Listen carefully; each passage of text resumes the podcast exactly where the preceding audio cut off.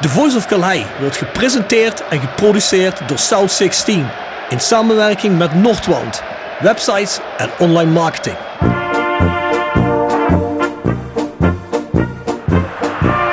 René van de Kerkhof, kom! Het hoofd van Danninga, het is het doelpunt! Het is het hoofd van het is het doelpunt! Het is 1-1 in de 36e minuut. drink dan eerst gezellig een kopje koffie, praat met wat mensen.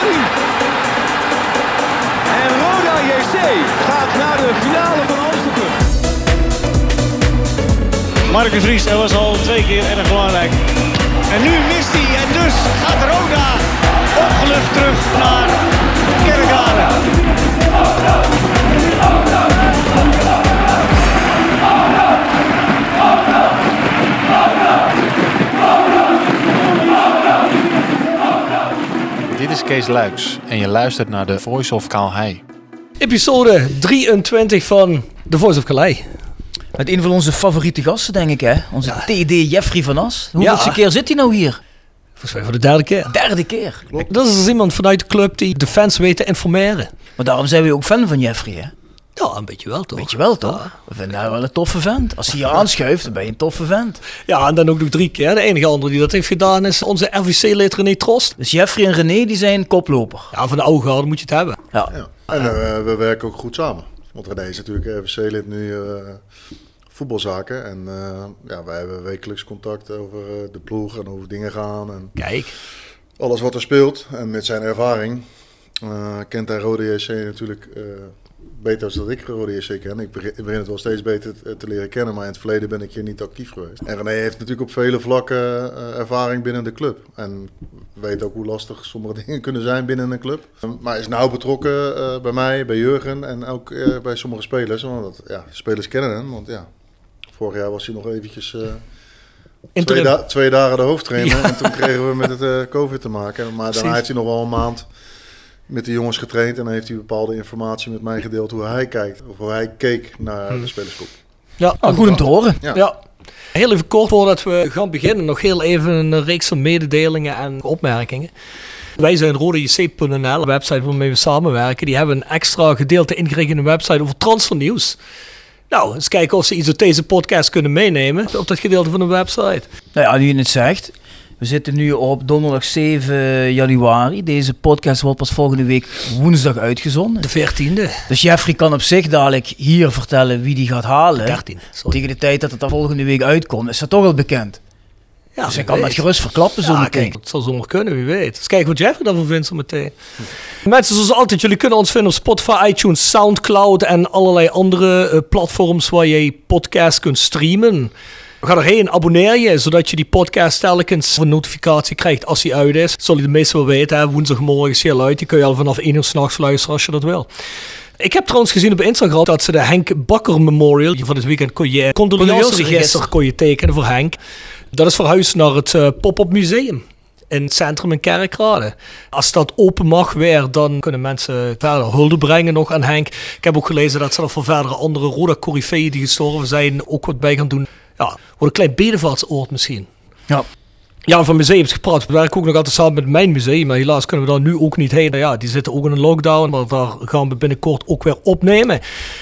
En dan nog heel even, aangezien wij ambassadeurs zijn voor Roda 1962, vraag ik Bjorn weer eens een samenvatting te doen voor het Roda 1962 is. Nou, dat ga ik zo doen, maar voordat ik dat doe wil ik wel even opmerken dat ik toch een tikkeltje teleurgesteld ben in de achterban van Roda. Want ik heb gisteren nog even bij die jongens nagevraagd op hoeveel leden dat de vereniging nu zit. Ja. En dat schijnt op dit moment bijna 500 te zijn. Afgerond naar boven, een paar mensen naar 500. Dan zit je dus bijna op de helft van de vereiste 1000 leden om een vetorecht te krijgen. Ten aanzien Ja. van beslissingen over clubcultuur, eh, kleuren, stad, eh, fusies en dergelijke. En kijk, ik weet natuurlijk wel dat het moeilijke tijden zijn en dat we nu niet naar het stadion kunnen. Misschien Ja, minder betrokkenheid dat het ook weer 62 euro kost, dat snap ik allemaal wel. Maar van de andere kant is het toch voor de supporter een heel belangrijk vetorecht wat je kunt krijgen. En dan had ik toch gehoopt dat we inmiddels wel al dichter richting de duizend eh, leden waren gegaan.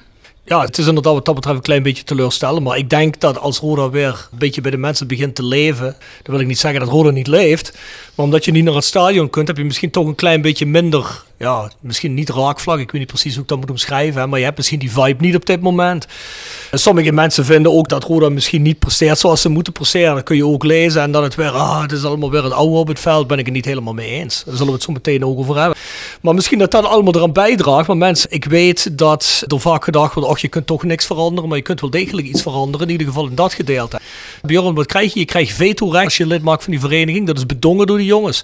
Ja. Als er eh, belangrijke beslissingen worden gemaakt, inderdaad, over bijvoorbeeld fusie. Of als er een eigenaar zou komen die zegt, nou, ik wil clubkleuren veranderen. Of ik wil in Valkenburg gaan spelen. Of ik wil met MVV gaan fuseren. Daar kun je een vetorecht, Ja. kun je voor gebruik maken als vereniging. Ik denk ook dat veel mensen op dit moment de urgentie niet zien. Hè? Dat ze denken van, ja goed, de clubs in een redelijk rustig vaarwater. We hebben die funnels, dus ja, moet ik me nou druk maken om een fusie? Dat speelt toch niet? Maar ja goed, hebben we in het verleden ook een aantal keren gedacht. En opeens, pats, boem, eh, daar werd er over gesproken. Hè?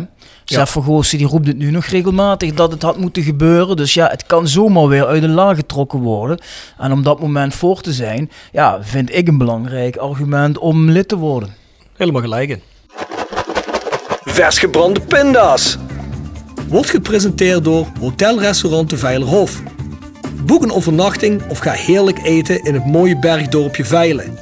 Voor boekingen ga naar www.veilerhof.nl. En Torapi Autodemontage aan de Locht 70. Voor al uw auto-onderdelen en het betere sloopwerk. Al 40 jaar een begrip in kerkrade. Tevens gesteund door Fandom Merchandising. Jouw ontwerper en leverancier van eigen sjaals, wimpels en andere merchandising. Voor sportclubs, carnavalsverenigingen en bedrijven. Al jarenlang vaste partner van de Rode JC Fanshop. Check onze site voor de mogelijkheden. www.fandom.nl Wil je mooie luchtopnames van je huis, omgeving of bruiloft?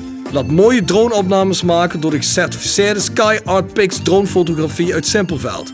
Bekijk de site voor de vele mogelijkheden. www.dronefotografie-sap.nl De prijsvraag. Ja goed, we hebben nog geen oplossingen voor de prijsvraag van vorige week. Of we hebben wel een oplossing, we hebben nog geen winnaars. Dat wordt via internet medegedeeld aan die personen. En we zullen die in komende podcast ook bekendmaken. Ja, voor de prijsvraag van deze week. Ik heb eens teruggekeken naar de, naar de podcast die we de afgelopen weken gedaan hebben. Daar eh, zat ook Rick Plum in. En die zei dat hij bij een kerkraadse amateurvereniging in de jeugd begonnen is. Nou, welke vereniging is dat? Kun je je dat nog herinneren, Bjorn? Ik weet het wel, ja. Ja. Volgens mij bestaan die helemaal niet meer. Nee, bestaan niet meer. Nee, goed. vond het wel maar- een mooie, mooie accommodatie waar ze altijd speelden. Ja, vond je dat mooie accommodatie? Het laatste dat ik me kan herinneren is dat ik dan met de jeugd van RKTSV was. En dat was meer een varkenstal waar je in moest omkleden. Tenminste zag het uit en ze roken een beetje. Ja, dat was dus echt de voetbalcultuur. Dat ging verder als dat, laat ik het zo zeggen. Maar dat maakt ook verder helemaal niet uit. Het is wat het is. En als we het hebben over mijn jeugd, dan hebben we het ook over de 80 jaren. Dus, eh, Goed, nou wat kun je weer winnen? Rode sjaal van Fandom en twee tickets voor het Mijn Museum. Ben jij al eens in het Mijn Museum geweest, Jeffrey? Nooit. Nooit? Ja, Het is lastig hoor in deze coronatijd. We hebben wel uitnodiging gehad om met de hele de ploeg een keer eh, zeg maar, richting die kant te gaan. Maar ja, het is gewoon op dit moment te riskant eh, wat betreft besmettingen om eh, met grote groepen ergens zijn. Nou, misschien als het weer eens een keer alles voorbij is. Of in ieder geval als je wel ergens heen mag. Misschien kunnen we Jeffrey ook wel eens een keer gelukkig maken met een aantal tickets voor het Mijn Museum. Maar deze is voor een heerlijk. Ik vermoed dat Jeffrey het misschien heeft over België. Dan kun je echt ondergronds nog gaan, hè. Ah, ja, Ik denk wel dat het goed is voor Jeffrey. Dan krijg je toch een beetje die feeling hier met de oostelijke mijnstreken. Dat is helemaal niet Ik slecht zou dat voor graag willen ik. zien wel, een keer hoe dat... Ja, want dat is wel heel anders dan het Burgondische van Maastricht. Hè? Ja, ja. Ja. Hij heeft niks ten nadele. Burgondisch is ook lekker. We moeten Jeffrey toch wat meer deze kant op trekken, vind ik. Hij is iets te veel geworteld in het Maastrichtse. Denk je dat je Jeffrey kunnen overtuigen dat hij in heel of Kerkrade komt wonen? Ja, Jeffrey wel, maar zijn vrouw niet, denk ik. Dat zal zomaar kunnen, ik weet het niet. Hey mensen, eh, onze online shop is shop.south16.com. Daar vind je ook de Voice of Calhei shirts en nog wat andere fan-gerelateerde merch. Ga daar eens kijken. En je kunt ons bereiken op thevoiceofcalhei.south16.com met al je opmerkingen en dergelijke. Ik zag trouwens, en dat wil ik heel even zeggen, kun je nog herinneren dat wij eh, tijdens onze terugblik-aflevering hebben gehad over die seriemoordenaar in Kerkrade? Ja. Van de Luca Heidekliniek? Ja. Daar kregen wij een mailtje op, hè Bjorn? Ja, van Nou, Mark Stroeks, die had het even opgezocht. In de Frans, 80er jaren geloof ik, hè. Ja, verdacht van 256 moorden. Ja. Veroordeeld is hij, geloof ik, voor 9 of voor 8 ervan. 18 dacht ik dat er, eh, 18. dat er stond. Vind ik toch wel een gemis dat jij dat niet in je kennis hebt Ja, maar in de 80er jaren, Rob, toen was ik nog kind, hè. Toen zat ik nog niet zo in de crime in Jullie niet aan die story op die eh, opleidingen voorrecht? Niet? Nee. Nou, dat is toch wel jammer. nee. En die beste man stond er dus ook in, die is in 2006 eh, overleden, dus... eh. Ja, jij kunt je het natuurlijk nog herinneren. Je was toen, wat was je toen? Ja. Jaar of 30? Ja. ik bestel jou in ieder geval voor je verjaardag dat boek. Ja, is kun je dan, kun je dan eens gaan lezen. Ja, doen we.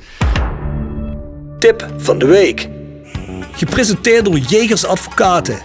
Ruist de Berenbroeklaan 12 in Heerlen. Hart voor weinig, nooit chagrijnig.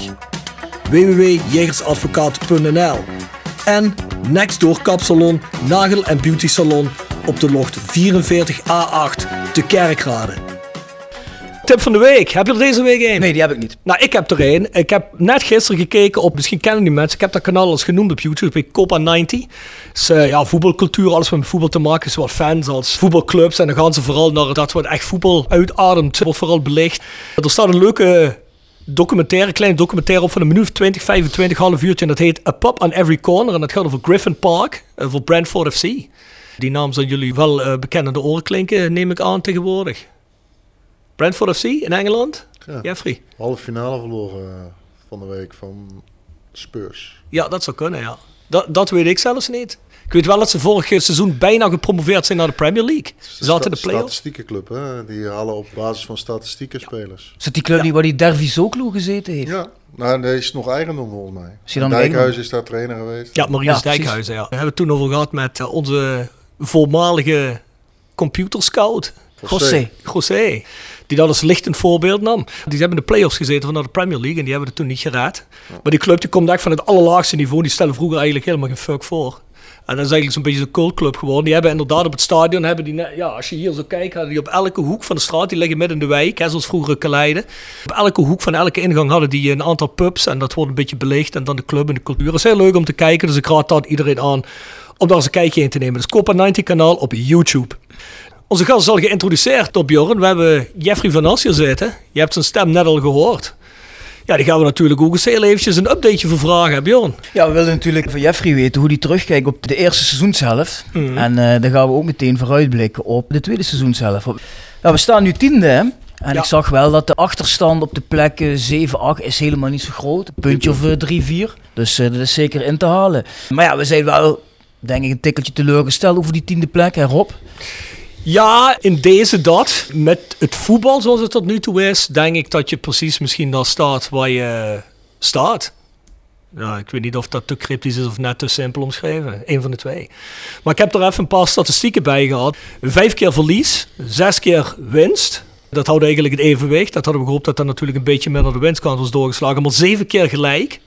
Waarvan je drie keer de winst verspeelt in de 88ste, 89ste en de 90ste minuut. Of een twee keer met een penalty tegen. Daar zak je totaal door de ijzige Fortuna tegen Den Bosch en tegen Jong Utrecht. Want dat waren toch wel de wedstrijden waarvan je zegt van... Ah, jongens, dat kan echt niet zo. Vooral de Jong Utrecht wedstrijden. En dan vooral eh, ook op inzet, hè, heel zwak. Ja, anders had je gewoon zesde gestaan als je die laatste drie minuten wat oplettender was geweest. En dan had je gewoon zesde gestaan op 31 punten. Met vier punten op plek drie, op NAC. En dan is er gewoon helemaal geen vuiltje aan de hemel. Dat is het volgens mij nu nog altijd niet zo heel erg. Maar dan hadden het ook op de ranglijst een beetje meer weerspiegeld... waar volgens mij Roda had verwacht te staan. Ja, hoe tevreden ben je zelf over de eerste seizoen zelf? Nou ja, wat jullie net vertellen, dat is wel een beetje het verhaal natuurlijk. Kijk, eh, in een seizoen eh, pik je ergens wel eens punten. Dat hebben we nog niet gedaan, eh, vind ik. Alle punten die we gehaald hebben, hebben we terecht eh, gehaald. En wat je zegt, er zijn een aantal wedstrijden waarin je een voorsprong weggeeft. En ook een aantal wedstrijden waarvan ik vind dat we de betere ploeg waren, waarin we maar gelijk spelen. Dus kijk, met zes of zeven punten meer eh, had de stemming binnen de club van allemaal de Polonaise achter elkaar. En nu zeg je van ja, we liggen een aantal punten achter op wat we gedacht hadden. En ja, is het af en toe eh, wat, wat negatief over die prestaties.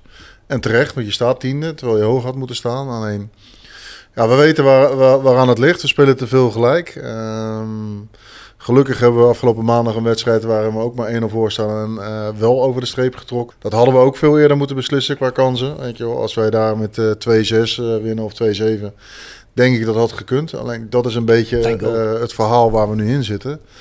Aan de andere kant, met 25 punten hebben we er nu al drie meer dan dat we er vorig jaar eh, hebben gehaald. Dus eh, ik, ik bekijk het positief. Tuurlijk, eh, na een hele goede start waarin we gespeeld hebben met publiek, eh, leek het allemaal helemaal vanzelf en makkelijk te gaan. En daarna, eh, eh, zonder publiek, is het toch, met name in de wedstrijden waar, die jij net noemt, waarin je een voorsprong weggeeft. Ja, wellicht dat dat niet gebeurt met het steun van het publiek achter je. Dat je toch ook een fluitconcert kan spelers over een dood punt heen helpen. En ja, kijk, iedereen wordt het liefst toegejuicht. Maar ja, daar, daar zit gewoon een beetje het struikelblok. Dat we nog niet volwassen genoeg zijn om wedstrijden in het slot te gooien of makkelijk te winnen. Het verschil met, met andere grote ploegen uit de KKD. Dat vind ik wel vrij bijzonder dat je dat zegt. Dat zien wij natuurlijk ook. Als je bijvoorbeeld die wedstrijd neemt tegen Helmond Sport Ja. of eh, Telstar thuis. Wij hebben best wel ervaren jongens in de ploeg. Ja. En dan zou je juist verwachten dat dat, dat dan niet gebeurt. Dat je zo vlak voor tijd zo instort tussen haakjes. Hoe kan dat dan eigenlijk? Want je zou juist denken, die jongens die weten wel hoe ze, hoe ze daarmee om moeten gaan met zo'n Ja, dat situatie. weten die jongens wel. Maar je hebt altijd wel eens een carrière dat een wedstrijd er toch iets anders loopt. Het is niet alleen de schuld van de ervaren jongens. Uiteindelijk is het, is het mijn schuld en de schuld van, eh, van de staf. Want wij maken de opstelling en wij doen de wissels eh, in de wedstrijden. Maar ja, het, heeft, het heeft op dat vlak gewoon een beetje tegengezeten. En ik ben ervan overtuigd dat als wij dat daar eh, verbeteren... dat we na de winterstop dat soort eh, overwinningen niet meer weggeven. En dat jij- zou moeten gebeuren om, om een paar plaatsen te gaan stijgen. Het doel is top 8, daar staan we drie punten op achter. Dus dat moeten we zien te halen. En het is jammer, want we hadden een voorsprong op een aantal clubs door, door de goede start. En dat hebben we nu weggegeven, dus moeten we dat zelf corrigeren. Dat zou je ook positief kunnen zien. Hè? Door je goede start heb je misschien een paar gelijke spellen kunnen veroorloven. Zo kun je het natuurlijk ook zien. Maar hoe vaak heb jij met je billen samengeknepen gezeten die laatste 20 minuten? Ik heb het met Bjorn vaak over gehad, ook in de podcast. Dan analyseer je zo'n wedstrijd. En dan, eh, ja, dan zit ik al 20 minuten voor tijd. Zie ik dat er allemaal teruggedrongen wordt bij ons. En dan denk ik, oh jongens, dat, dat gaat elk moment gebeuren. En dan gebeurt het. Ik kan me voorstellen. Want ik zeg laatst tegen Bjorn, ik weet zeker dat Jeffrey Van As en Jurgen Streppel zich doodergeren hieraan. Ja, niet dood erg. Het is gewoon jammer dat het gebeurt, want het is niet nodig. eh, omdat we best wel wat kwaliteit hebben in de ploeg, denken wij. Van, als je met je kop erbij eh, speelt, dan, dan kom je niet in die, eh, die problemen. En eh, ja, dat is wat we benadrukken richting eh, de spelers. Ja, dat je door moet gaan met het spel. Kijk, als je 2-0 voorkomt tegen, tegen Helmond Sport, moet je inderdaad proberen de derde te maken. En vanaf als je drie doelpunten voor staat, dan pas kan je wat relaxter op de, op de tribune of langs de kant staan. Eh, en dan nog niet, want ja, het is gewoon een zaak. Wij willen aanvallend voetbal spelen en dat doen we. Gelukkig nog steeds iedere, iedere wedstrijd. Dus ja, dat, eh, je wil zoveel mogelijk doelpunten maken en wedstrijden winnen. Dus dat is vervelend. Eh, aan de andere kant, ja, je kan niet verwachten als je een paar moeizame jaren hebt gehad. En natuurlijk hebben we een hele nieuwe ploeg dat, dat wij tovenaars zijn en dat we zomaar top 2 of top 3 gaan spelen. We moeten zorgen dat we ja, langzaam weer in de top 8 komen. En de grote ploegen ook pijn gaan doen eh, door een keer eh, daar een overwinning te halen. Wij appten inderdaad wel eens naar elkaar. Bijvoorbeeld zo Eindhoven uit, eh, Telstar thuis, Helmond Sport thuis. Dat we zeiden van, ah, weet je, we staan voor. En waarom gaan ze nou niet gewoon voetballen en proberen de ruimtes te benutten? Ja. Maar je ziet continu een peer naar voren, balverlies. En je staat voor de eigen goal. Wat wij ons dan afvroegen, want Jurgen en jij zien het natuurlijk ook. Ja. Is er dan niet iets wat je van de kant kunt doen om in te grijpen, om dat spelbeeld te keren? Ja, natuurlijk wel. Kijk, eh, trainers zijn gedurende heel de wedstrijd natuurlijk bezig om, eh, om spelers te helpen. Want dat is het feit wat je doet. En te corrigeren eh, om, om, om, de, eh, ja, om de prestaties goed te laten zijn. Alleen zij, zij moeten het doen. Kijk, en als je achteraf met, met spelers zit, dan beamen ze van ja, dat ze dingen anders hadden moeten doen. Maar in een wedstrijd is het toch vaak lastiger voor spelers om da- datgene te doen wat jij nu net zegt. Van om een wedstrijd echt in het slot te gooien of gewoon rustig te blijven en eh, het spel uit te spelen. En eh, het, het vervelende is dat het vaak verschillende mensen zijn. Weet je, als het nou eh, steeds dezelfde speler is wie de fouten maakt, ja, dan is het niet zo moeilijk. Dan haal hem eruit en zet je een ander erin. Dus het is vaak ja, zijn verschillende mensen die fouten maken. En dat geeft niet, want dat hoort bij, eh, bij voetbal. En daar rekenen we mensen niet op af. Maar het is jammer dat het, eh, dat, dat gebeurt. Eh, alleen dat is nu hetgene. We zijn nu na de winterstop begonnen met ja, de nul. Dat was de eerste keer voor Jan dat hij de nul hield. En we hebben wel een wedstrijd over de streep getrokken... waarin een tegenstander toch ook op het laatste nog wat kansen kreeg. Dus dat moet vertrouwen geven richting vrijdag. En, en de vrijdag daarna tegen de zogenaamde topploegen in deze divisie, NAC en de Graafschap. Maar misschien is dat wel makkelijker voor ons op dit moment om daar tegen te spelen. Je zegt net Jan Hoekstra. Ik vind wel dat er met Jan Hoekstra nou echt, tenminste dat zeiden wij ook tegen elkaar. Er staat iemand aan de goal. Je weet dat het iemand is die van de zijkant meestal de hoge bal ook heeft. Ja. Dat gevoel heb je. Ik vermoed dat dat ook meer zekerheid geeft aan de jongens in de verdediging. Zeker, dat was met name te zien in de eerste wedstrijd die hij weer speelde tegen Excelsior. Was eigenlijk iedere hoge bal eh, was voor hem. Hij is ook groot en dat is ook een specialiteit eh, van hem. Maar je moet het wel doen als je jong bent. Zware blessure hebt gehad, hard gerevalideerd. eh, Hoe oud zijn nou? Ik dacht 21 uit mijn hoofd. Maar ja, hij is natuurlijk wel lang al eh, zeg maar, tweede keeper geweest achter pad. Dus op eredivisieniveau getraind. Maar het blijft gewoon heel zonde dat hij in de eerste wedstrijd eh, met die schouderblessure Mhm. te maken heeft gehad.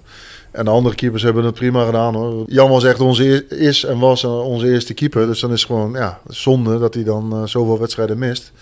Ja, en die moet ook alleen maar beter worden door veel wedstrijden te spelen. En eh, ja, als je dan de nul houdt, dat helpt in het vertrouwen voor jonge spelers. En eh, ook voor hem. Ja, wel duidelijk ook een paar cruciale reddingen op de laatste wedstrijden. Hij Ja. dat ook zomaar 1-1 kunnen zijn afgelopen maandag. Ja, hij maakt echt wel een hele stabiele indruk. Ook wat je net zegt, bij een voorzet of een hoekschop. En die is wat lang onderweg. Dan weet je al van, oh, hoef je niet druk om te maken. Die plukt hij wel. En die heeft lang hij niet meer gehad hier bij Roda hoor. Nee. Zoals je hebt gezegd, niks aan nadelen van die andere jongens. Want ik bedoel, ja, ik denk dat die andere jongens niet een cruciale invloed hebben gehad op een aantal dingen. Ja, tegen Eindhoven uit. Als je misschien een keeper had gehad die 20 centimeter langer had gehad, had hij met de hoek getikt. Maar goed, dat gebeurt iedereen wel eens. Ik heb wel nu het gevoel dat er iemand staat. Misschien loop ik hier ver vooruit op wat ik zeg, maar goed is de kans dat je Zoemen op het einde van het seizoen kunt houden. Ja, dan ben je afhankelijk natuurlijk van, eh, van Groningen. En eh, ja, ik lees ook eh, het nieuws rondom Pad dat hij dan van de zomer sowieso gaat. En, en wellicht in, de, in de winterstop. Ze hebben al een andere keeper gehaald. Ehm, Ja, Jan het- heeft het enorm naar zijn zin bij deze club. Eh, voelt veel vertrouwen eh, van ons. Ehm, woont met alle plezier eh, in deze streek. Dus, dat zei ik eh, toch? Op de hele baan in een flatje. Ja. Eh, Is het zo? Oh, Ja, dan wil je toch wonen? Dan was jij lag je nog Op de vorige Peter week. Schoenstraat? Op de- Nee, ja, op de hele baan. Oké. Wie wil daar nou niet wonen? Ja, goed. Ja, ik zeg niet dat je niet op de hele bal wil wonen. Ik vind het niet erg hoor. Ik las inderdaad op een of andere site dat Flederis ook zoiets eh, had gezegd van ja, we hebben een nieuwe eerste keeper gehaald of zoiets. eh. Dan dacht ik wel van, hmm, misschien biedt dat wel mogelijkheden. Nou ja, kijk, eh, als je natuurlijk veel speelt bij een andere club en eh, het toekomstperspectief als je terug moet gaan naar Groningen is op de bank zitten. Ja, dan zal Jan sowieso eh, aandringen op een vertrek. En eh, ja, wij vinden het een goede keeper, anders hadden we hem niet gehaald. Dus dat verandert niet, weet je wel. Alleen op dit moment eh, ja, is hij een jaar eh, bij ons. En eh, in de zomer eh, gaan we weer met Mark Jan, die toch ook een klein beetje een rode hart heeft. Weer om de tafel om te kijken wat er, wat er nog meer mogelijk is. Mhm. Wat wij ook de revelatie vonden van de laatste vijf, zes wedstrijden is eh, Robert Klaas. Hè? Heel Ja. sterk. Slecht begonnen aan het seizoen, maar heel sterk. De belangrijkste jongens in het veld tegenwoordig. Haalt een hoop weg, hè? onderschept een hoop. Speelt nu eigenlijk de rol die we al verwacht hadden, die hij vorig seizoen had. Dat hij controleert, stofzuigt. En dat doet hij nu als allerbeste daar, eh, van die jongens die in het verdedigend middenveld staan, vind ik. Ja, prima. Eh, jij omschrijft het pre- eh, precies hoe het is. Moeilijk begonnen aan de, aan de voorbereiding. De, daarna toch eh, uit het elftal gegaan, zich weer erin geknokt. En nu weer gewoon een belangrijke speler eh, voor ons. Maar ja, kijk, het winstpunt denk ik in deze selectie is dat het een goede combinatie is van jonge spelers en ervaren spelers. En dat het allemaal normale jongens eh, zijn. En dat wil niet zeggen dat hier alleen maar gekken hebben rondgelopen de laatste jaren. Maar het zijn aanraakbare spelers. Ja, omdat ze ik eh, openstaan voor alles en iedereen. Weet je wel. Eh, rare verdette-neigingen worden... Ja, weet je, dat, dat, dat, dat, hebben ze niet. Ze trainen graag. Ze willen graag be- beter worden. Dus... ehm, Het is niet zo dat we jongens aan moeten zwengelen of, of moeten corrigeren op, eh, op gedrag of wat dan ook. Helemaal niet. En er, wordt, ja, is concurrentie onderling, maar er wordt wel op een, eh, op een goede manier met elkaar omgegaan. En ja, dat is gewoon eh, fijn om, om, om mee te maken. Het is misschien iets te snel om erover te praten, maar is dat nou een verschil wat je zegt? Robert komt op de bank terecht en knokt zich terug. En dat is misschien net wat hij nodig heeft gehad, misschien, omdat hij heel sterk terugkomt. Is dat dan misschien een verschil met.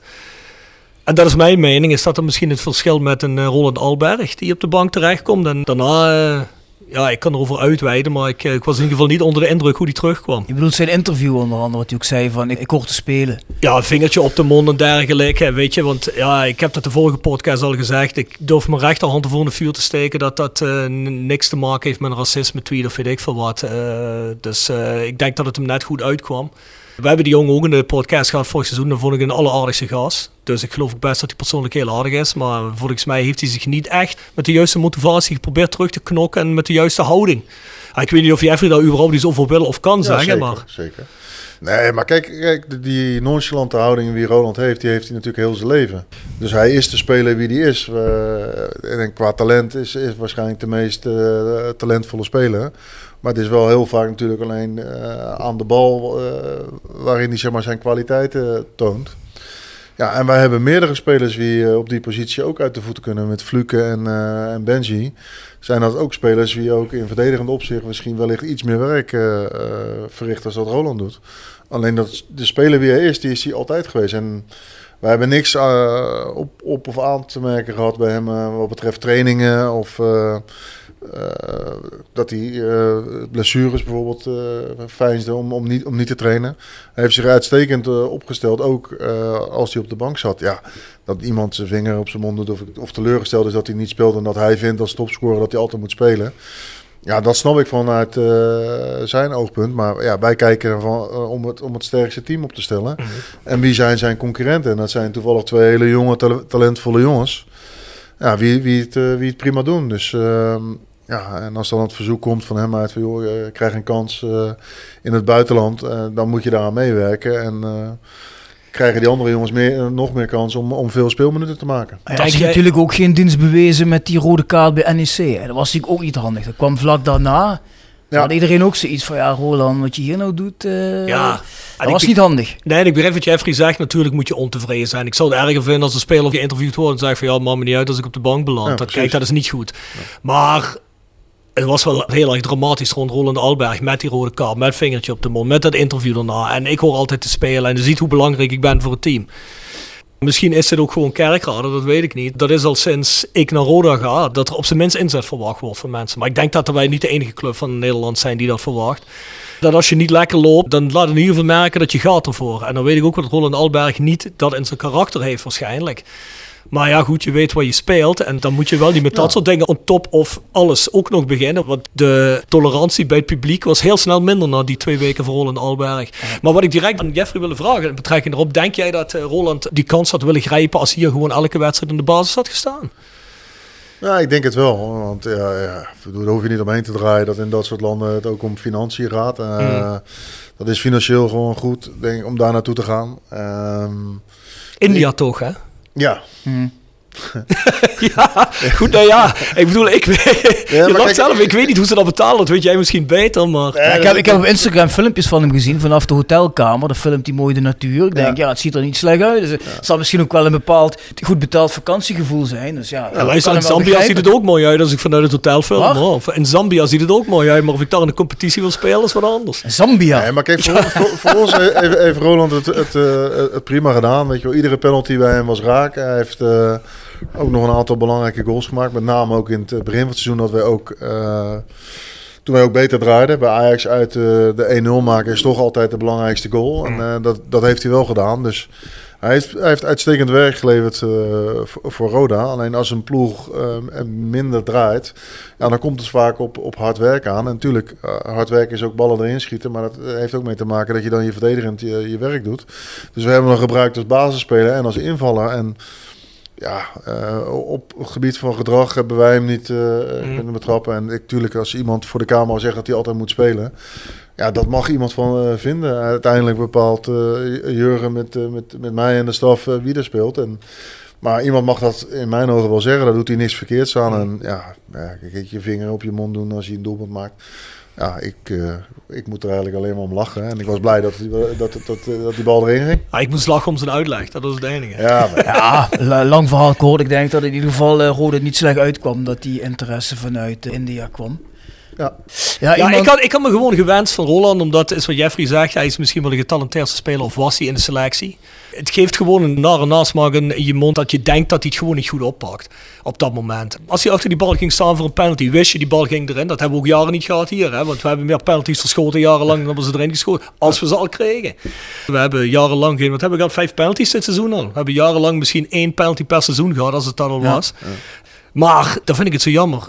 Dat denk ik van, oh Holland, pak dat toch een klein beetje beter op. Je zit nou anderhalf jaar hier. Je weet misschien al een klein beetje hoe het publiek hier is, weet je wel. Dan pak het toch anders op, man. Dan, dan, dan zeg het anders, Ah. doe het anders en, en pak het beter op. En we weten ook wel dat je niet degene bent die het liefste rent in het veld. Maar dan op zijn minst doe goede uitspraken, weet je wel. Dat mensen zeggen, nou ja, goed, dat is wel een goede gast. Dat hoop ik dan altijd. Het geeft mij gewoon het gevoel dat het hem inderdaad wel goed uitkwam dat hij... eh, hij en de, club, en de anders club ook, denk ik.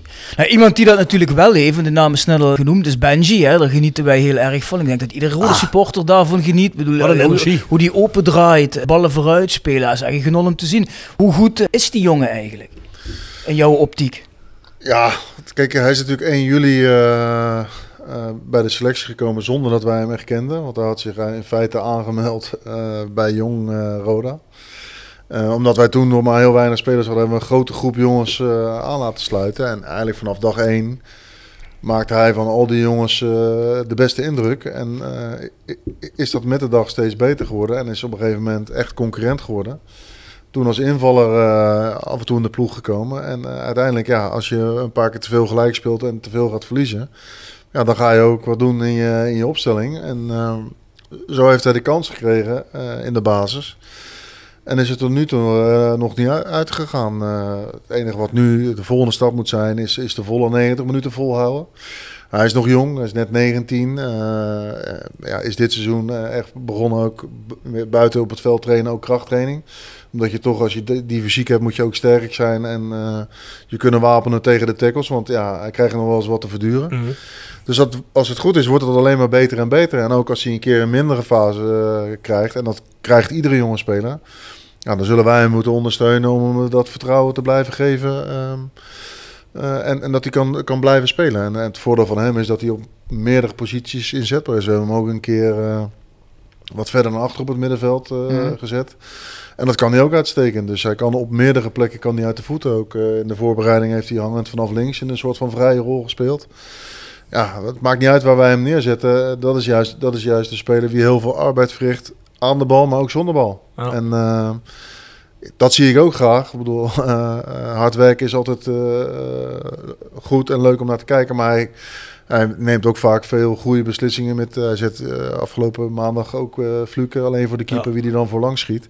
Ja, dat zijn gewoon belangrijke ballen. De steekbal op, op Tijmen is natuurlijk ook een enorm wapen met de snelheid die Tijmen heeft. En die ballen zal hij moeten versturen. Of Klaassen of Bakker en, eh en Fluke. Dat soort jongens moeten eh, de Tijmen wegsturen.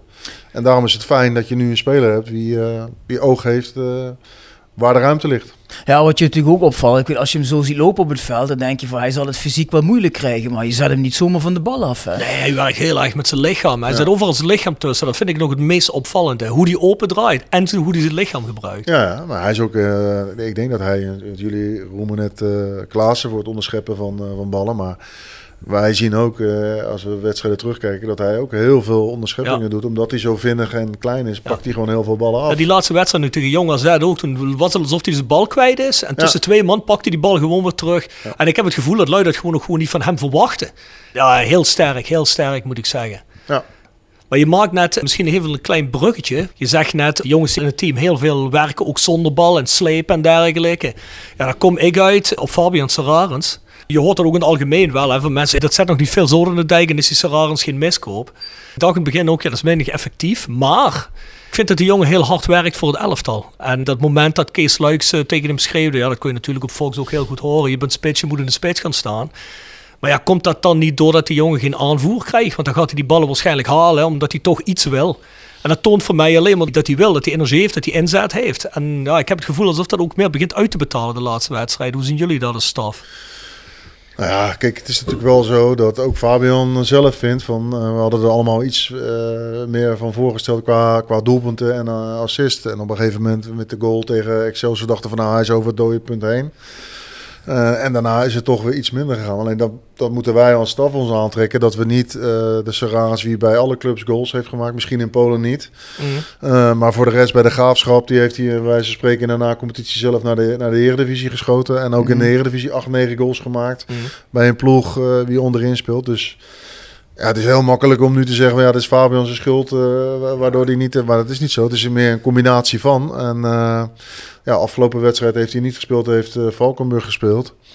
het is nu zaak aan Fabian door middel van, van trainingen zich en invalbeurten te laten zien dat hij de spits van, van Roda weer moet zijn.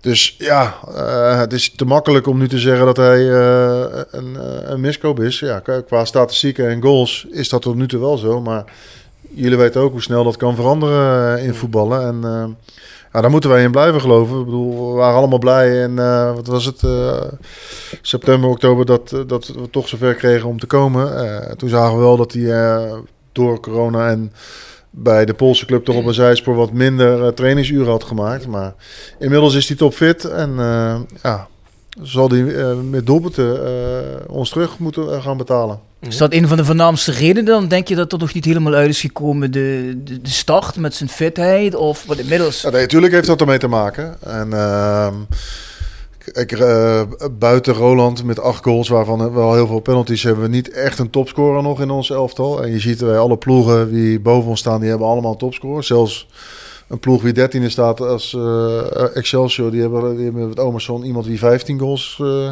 mm. Kijk, als wij, als wij één of twee spelers met, met, met 8, 9 goals uh, in de ploeg hadden gehad, ja, dan hadden we inderdaad ook wel wat punten meer. Maar ja, alles telt niet in het voetbal. Dus we moeten zorgen dat de jongens die ik genoemd heb, Fluke scoort nu weer met de kop, zelfs afgelopen maandag, dat ja, Tijmen, wie dan een assist heeft, ja, dat dat zich beter, nog beter gaat ontwikkelen. Dat we een aantal spelers gaan krijgen die gewoon op het scorebord komen en uh, een doelpunt te maken. Ja, maar dat is op zich wel opvallend, want het is ook niet zo dat Seraris en Valkenburg nou in die weken, we hebben nu afgelopen maandag best wel veel kansen gecreëerd, die ja. weken daarvoor niet zo.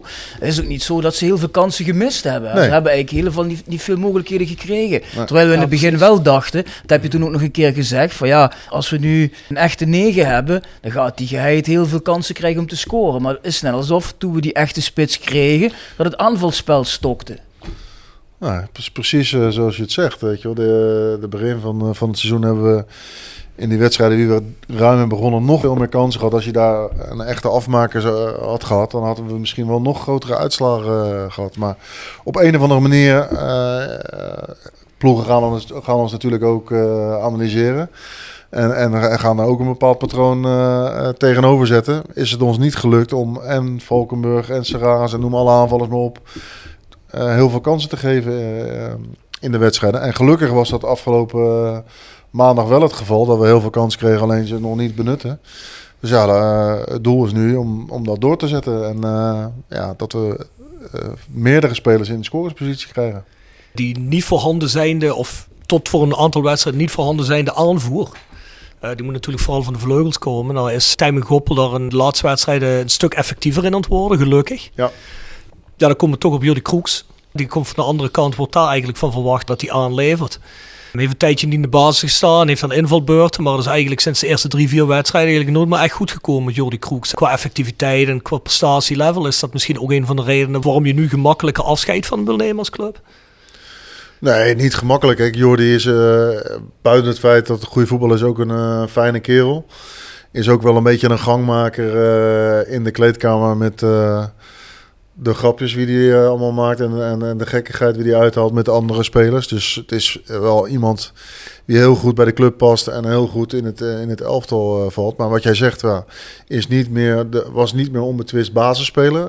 omdat een aantal jonge jongens ook op die posities uit de voeten kunnen. Wel op iets andere manier invullen. Maar Fluke speelt nu uh, in principe een beetje hangend vanaf links. En is daarin ook heel creatief. Um, ja, dan komt er een, eh, een voorstel vanuit het buitenland eh, voor hem eh, van een club die ook nog een transfersom eh, wil gaan betalen. Is nog niet helemaal 100% zeker afgerond, maar dat ziet er heel goed uit dat dat eh, ja, goed afgerond gaat worden, waardoor dat ook doorgaat. Ja, ik maak kan niet zeggen welke club het om gaat. Nee, op dit moment niet, omdat ja, wat ik zeg. eh, Kom pas volgende week uit, hè, Jeffrey. 99,99% is ook nog niet helemaal zeker. Dus ja, dat, dat moet eh, de club waar hij naartoe gaat bekendmaken in samenspraak met ons of Jordi zelf. En, eh, en niet ik, vind ik. Ja, ja. Maar dat ziet, eh, eh, dat, dat, dat ziet er goed uit. Het is voor hem een goede kans. Het is voor ons een kans. Want ja, eh, jullie zullen ook begrijpen eh, dat zonder publiek spelen, zonder eh, horeca-inkomsten en, en noem Tuurlijk. alles maar op, dat het best lastige tijden zijn voor iedere voetbalclub. Dus ook voor Roda. Want van, van tevoren maak je een bepaalde inschatting van eh, nou, hoeveel mensen zullen er komen kijken. Ik bedoel, ik kwam hier binnen in, wat was het, ergens fe- februari, maart. En dan ja, was het allemaal heel zuur en negatief. En dan gelukkig in mei komt het verlossende woord van de finishgroep van nou ja, Roda blijft bestaan, want dat is realiteit. Ja. Dan krijg je een hele positieve zomer met eh, de drive-in en, en eh, positiviteit eh, in de zomer met, met de oefenwedstrijden, de start van de competitie. En dan helaas, weet je wel, moet, je, moet het stadion gesloten worden. Want qua toeschouwersaantallen zaten wij op exacte aantallen van waar we op begroot hadden. En ja, als het wat normaler was geweest in de wereld, denk ik dat wij, ja, ook al staan we misschien maar tien nu, dat, dan, dan denk ik toch dat mensen naar het stadion toegekomen waren. En waardoor we nu eh, wat makkelijker eh, aan, het, aan de begroting waren gekomen. Maar Ja, dat is natuurlijk zeker meer als vorig seizoen. Dat denk Ja. ik wel. Zeker weten, ja. Ja. Zeker Dus- weten. En misschien wat Jeffrey zegt, dan sleep je misschien wel twee keer zijn voorsprong Dat denk ik wel. tot het einde er doorheen. Nou ja, dat is ook wat spelers zeggen. De, de, de twee wedstrijden met publiek. Dat, ja, en natuurlijk hebben die gewonnen, dus dan is het sowieso positief Ja, vanaf de tribune. tuurlijk. Maar dat, is, dat, dat was wel als heel eh, fijn ervaren. Omdat ja, ook spelers eh, die vorig jaar er waren, die zeiden van ja, we hebben vorig jaar ook wel eens last gehad van het kritische publiek. En terecht misschien dat het kritisch was omdat je slecht speelt. Maar dat kan toch wel o- ook een klein beetje beklemmend werken voor, eh, voor spelers. Want ja, de, de meeste voetballers zijn toch hele gevoelige jongens die het toch vervelend vinden als mensen fluiten of schreeuwen naar je. Aan de andere kant, ja, je zou kunnen zeggen, joh, één oor in, ander oor uit en doe gewoon je ding. En overtuig mensen door hard te werken dat je het goed voor hebt met je club. Maar het is gewoon zonde dat dat gebeurd is, omdat ja, er was wel een bepaalde samenwerking tussen voor, eh, deze spelersgroep en de supporters op de tribune. Eh, ook al was het allemaal op anderhalve meter en mocht er niet echt geschreeuwd en gezongen worden was er wel een, een klik volgens mij tussen supporters en, en spelers. En ja, dat is gewoon zonde. En Ja. alleen je kan niet bewijzen of het daaraan ligt dat we misschien vier, zes punten te weinig hebben. Want ik zag eh, deze week, Rob, de man voor wie, het, voor wie wij het heel vaak gehad hebben, die een beetje is afgebroken door het kritische rode publiek van Velzen bij Telstar. Die loopt dan weer te scoren, hè? Ja, ja, dat is wat ik zeg. Hè. Je hebt heel hè? vaak dat jongens die bij Roda compleet worden afgebroken, gaan naar een andere club en blinken daar dan uit. Ja. Dus ja, je vraagt je af of het publiek in Kerkrade misschien een beetje meer credit moet hebben. Dat, ze dat ze jongen eerder positief bejegend wordt. En, maar dat vind ik in het algemeen sowieso. Er wordt heel snel gezeikt. Ze zijn ook niet de enige club in Nederland of zo. Maar er wordt heel snel gezeikt in plaats van ervoor te kiezen van... Nou ja, laten we zo iemand een half seizoen echt proberen er bovenop te schreeuwen. In plaats van er onderuit te schreeuwen. En dat tweede wordt heel vaak gedaan. En dan kan ik me voorstellen dat, zeker als jonge speler... Want Giliano van Velzen was toen ook nog niet zo heel oud. Hoe lang is het geleden? Vier jaar? Drie jaar? Nee, nog niet. Ik denk twee jaar geleden, hè? Nee, ik bedoel dat hij kwam. Ja, 2017, hè? In de winterstop. Dat ging al meteen naar een half jaar fout. Die jongen die heeft geen half jaar heeft hij hier eh, krediet gehad of zo. Nee. Dus ja, dan denk ik bij mezelf, ja, moet dat nou? Die jongen die is. eh, die Je is ziet nou dat hij toch wel wat kan. Ja, tuurlijk. Anders was hij ook niet gehaald. Al was hij gehaald door Tonkane. Hij kon Hij was wel wel gehaald door Ja, Tonka. ja, ja. Maar was toen niet zo gekke transfer, want hij was toen op zich best wel een talentje. En in de Nou, was toen uitblinker divisie. van de eerste divisie bij Volendam, toch? Dat was Ja. zo. Dat was gewoon feit. Wij Ehm, waren toen allemaal blij dat hij kwam in ieder geval. Dat zeker. Een tweede lichtpunt naast Benji die wij gezien hebben, vinden we Patrick Fluke. Hè? Ja, zeker. Hoe kijk je daar naar, naar hem? Ja, het is zeker een lichtpunt. Daarom was het zo jammer dat hij eh, op de training zijn pols eh, op een paar plaatsen eh, brak. Dus wat dat betreft was dat misschien ook wel... Ongelukkig geval of zo?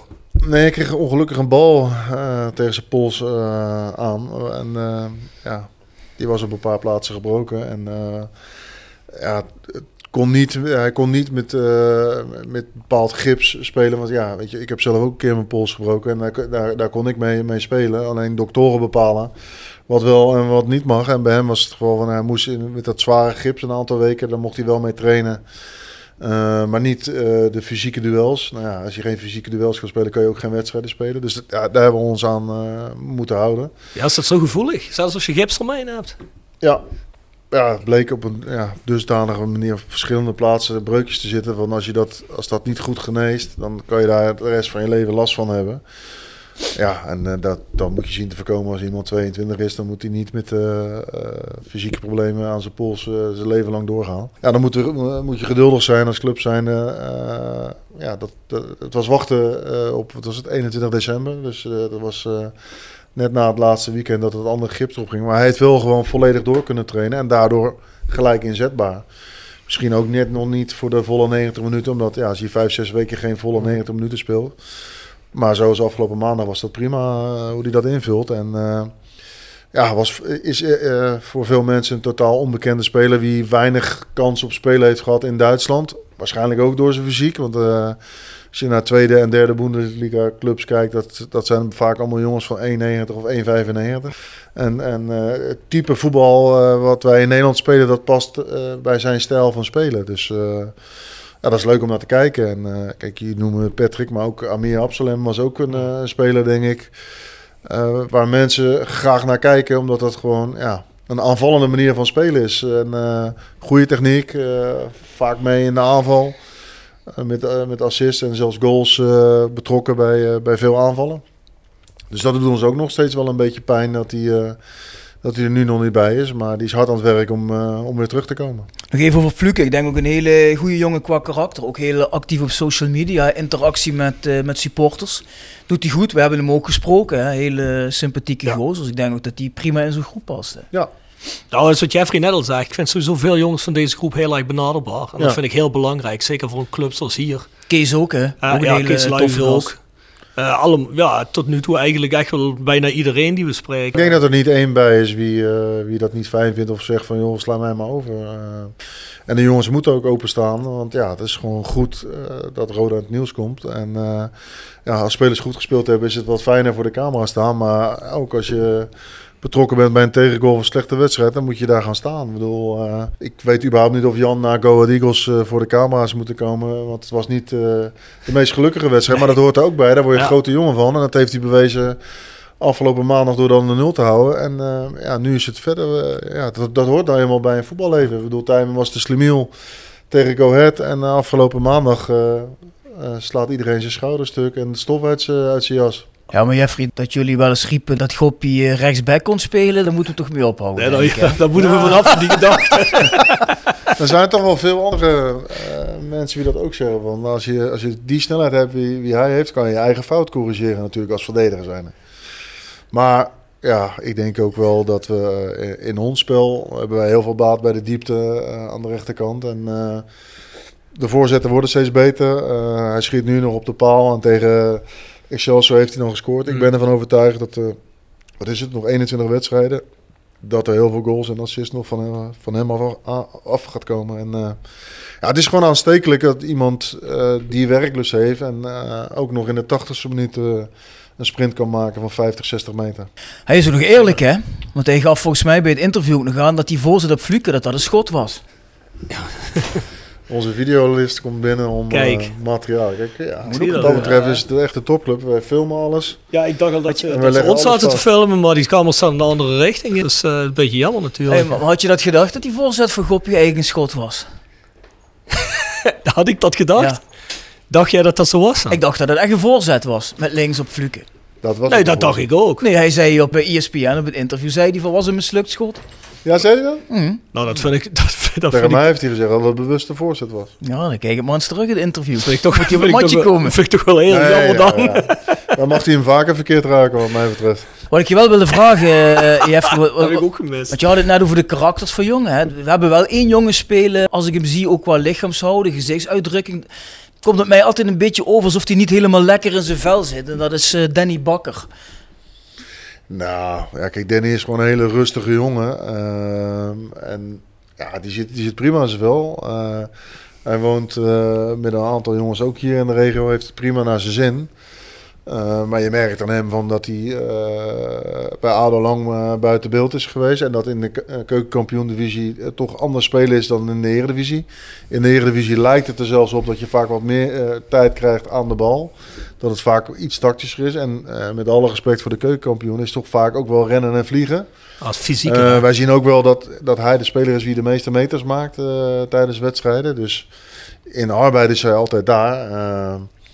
Dus ja, uh, ook, ook met hem zijn we nog steeds uh, zeer tevreden. Alleen de ene wedstrijd is wat beter dan de andere. Bij MVV dacht ik van nou, hij scoorde een goal.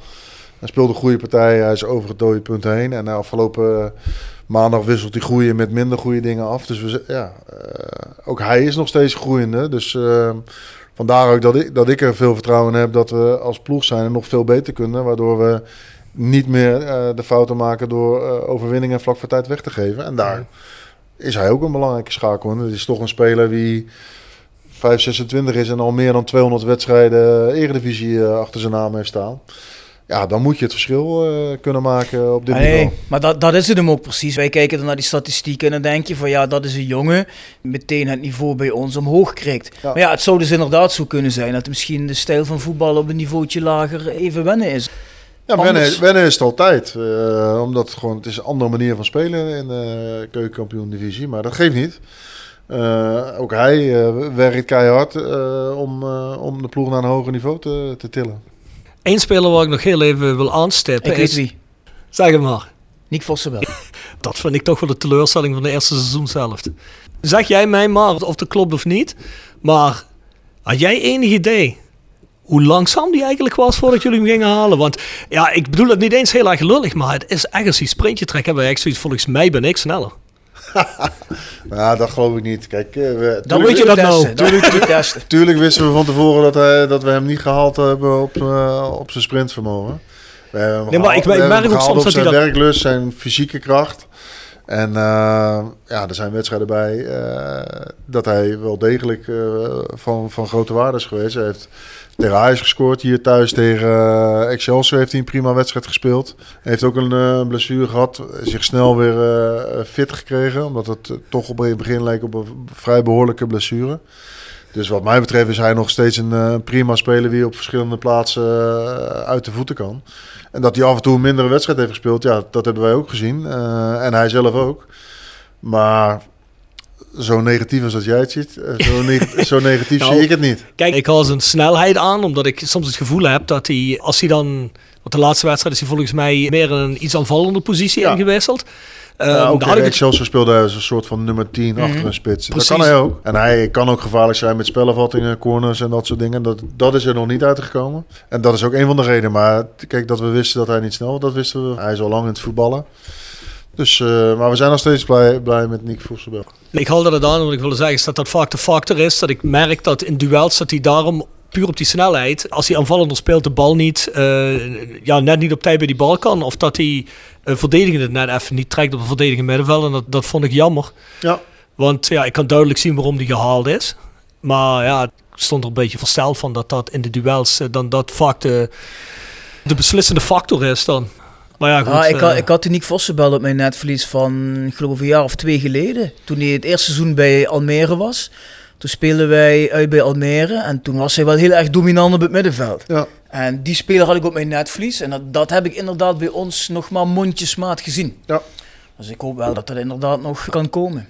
Ja, ik moet wel zeggen wat Jeffrey al iets vroeger heeft gezegd in het gesprek. Nou, en dat vergeten mensen wel eens en daar ben ik het wel mee eens. Hebben we ook vorige week met Maurice Stelen hebben we dat aangehaald. Wij komen allemaal uit een generatie van Roda de twee jaar Europa Cup, twee bekerwins, uh, weet ik veel wat allemaal. Dus wij zijn allemaal lui. We verwachten wel even iets van Roda. Want dit is wel een team dat een opbouw is nog altijd. Het is nog altijd een nieuw team, hè? dus dat mag je ook niet vergeten. Ik vergeet dat ook soms wel eens, maar dat moet je wel voor ogen houden. Dat is wel een feit. Maar wat wij willen tegen elkaar zeggen, Hadden jullie nou eigenlijk met, ik weet dat het geen megabudgetten zijn die bij Roda beschikbaar zijn, maar hadden jullie niet met het budget wat je had gehad en met de spelersgroep die je hebt, had je niet verwacht eigenlijk dat je ja, niet in de top 3 had gestaan, maar dat je er net onder had gestaan. Toch stiekem, ik weet dat dat niet, uitgesproken niet, niet is. Verwacht, weet je wel, dat we misschien wat vaster in de top 8 uh, eh, hadden gespeeld, dat, dat hadden we denk ik wel verwacht. Zeker na de start, dus dat mag je ons uh, kwalijk nemen. Aan de andere kant, we hebben het net gehad over de vele gelijke spelen, dus het is ook verklaarbaar waarom je niet... Uh, vier tot zes punten meer hebt. Kijk, als wij vier tot zes punten meer nu hadden gehad, dan was het spel nog steeds hetzelfde Ja, ja. geweest. Nog Mhm. steeds heel veel voor verbetering vatbaar. Eh, alleen voor het vertrouwen eh, had het dan wat beter geweest, waardoor je wellicht wat makkelijker gaat voetballen. Ja. Met een aantal punten meer kan een ploeg eh, vaak wel boven zich uitstijgen. Of een aantal overwinningen kan een ploeg ook een hoop zelfvertrouwen geven. En een aantal gelijke spelen brengt vaak, kan spelers aan twijfelen brengen. En, en dat is een klein beetje, beetje gebeurd. Nou, dat laten we nu achter ons. We zijn nu goed gestart en dat moeten we een vervolg geven in, eh, in Breda. Ja, want ik geloof op de zesde of zevende plek staat NEC. Maar ik vond ons... in Nee, die staan vierde volgens mij. Ja, met vijf punten meer volgens mij. Of Vijf of zes Dan punten meer. even kijken. Ja, maar ik, ik, ik vond ons in... Even kijken. NEC staat vijfde. Met 31 punten. Ja, dus je hebt zes- zes punten meer. zes punten. Terwijl ik ons in die uitwedstrijd daar vond ik ons beter. Ja. En als Roland de Zeker. rode kaart niet pakt, denk ik dat je daar met drie punten weggaat. Dat was ook weer een hele jammer. Ja, of dat nog per se in die rode kaart heeft gelegen, maar dat kwam ook heel erg ongelukkig na die wedstrijd tegen, wat was het tegen MVV, hè? Ja, met, met met een man minder kom je natuurlijk wel wat onder druk te liggen. Hè. Dus dat, nee, tuurlijk, tuurlijk, tuurlijk, tuurlijk. Maar ja, goed, eh, ik vond de NEC nou ook niet van zo'n niveau. Want heel eerlijk, zelfs toen ze met 10 man spelen, had ik eigenlijk niet het gevoel Nee. alsof ze gingen scoren, hoor. Nee, Nee, die viel ook uit het niks, die treffer. Maar ja, dan heb je nog geluk dat die pingel niet erin gaat, want anders verlies je Oh, hem ja. ook nog. Terwijl ja. het helemaal geen pingel was. Dat is ook niveautje rotzooi, ja, die triest, eerste hè? divisie. Ja, dat, och, dat is toch echt Waarom- niet te filmen. Waarom geeft die man daar een pingel? Ja, maar het niveau is sowieso heel slecht. Voor de, ik wil niet zeggen dat ik beter scheidsrechter zou zijn. Ik kan natuurlijk gemakkelijker zeggen als ik voor een tv zit en er van twee hoeken zie of van drie, drie hoeken zie. Maar er zijn dingen bij waarvan ik denk, ach jongens toch, dat kan toch helemaal niet. dit. Nou ja, wat bijvoorbeeld jammer is, kijk, het, het was een slechte wedstrijd. Den Bosch thuis tegen een heel jong Den Bosch. Ja. Ja, Maar volgens mij hadden we in die wedstrijd drie penalty momenten. Normaal gesproken krijg, je, Klopt. er, krijg je er dan Ja. één. En eh, je weet als Roland in het veld staat dat hij er dan ook in zit. Vlak voor tijd was volgens mij bijna klemvast. Dat kan een ploeg ook helpen, weet je, wel, over een doodpunt heen. Dat je een slechte wedstrijd toch wint. En, eh, ja op want dat gebied- Bosch had op dat- nooit gescoord tijdens die Nee, wedstrijd. op denk dat ik, gebied hoor. heeft Dus dat ook niet echt meegezeten. En eh, aan de andere kant, van, ja, laten we hopen dat eh, bepaalde scheidsrechtelijke beslissingen na de winterstop ook in ons voordeel zullen uitvallen. En dan ja, eh, gaan we meer punten halen dan we voor de winter hebben gehaald. Section Frietenboot. Gepresenteerd door Herberg de Bernardeshoeve. Weekendje weg in eigen streek? Boek een appartementje en ga heerlijk eten met fantastisch uitzicht in het prachtige Mingersborg bij Marco van Hoogdalem en zijn vrouw Danny.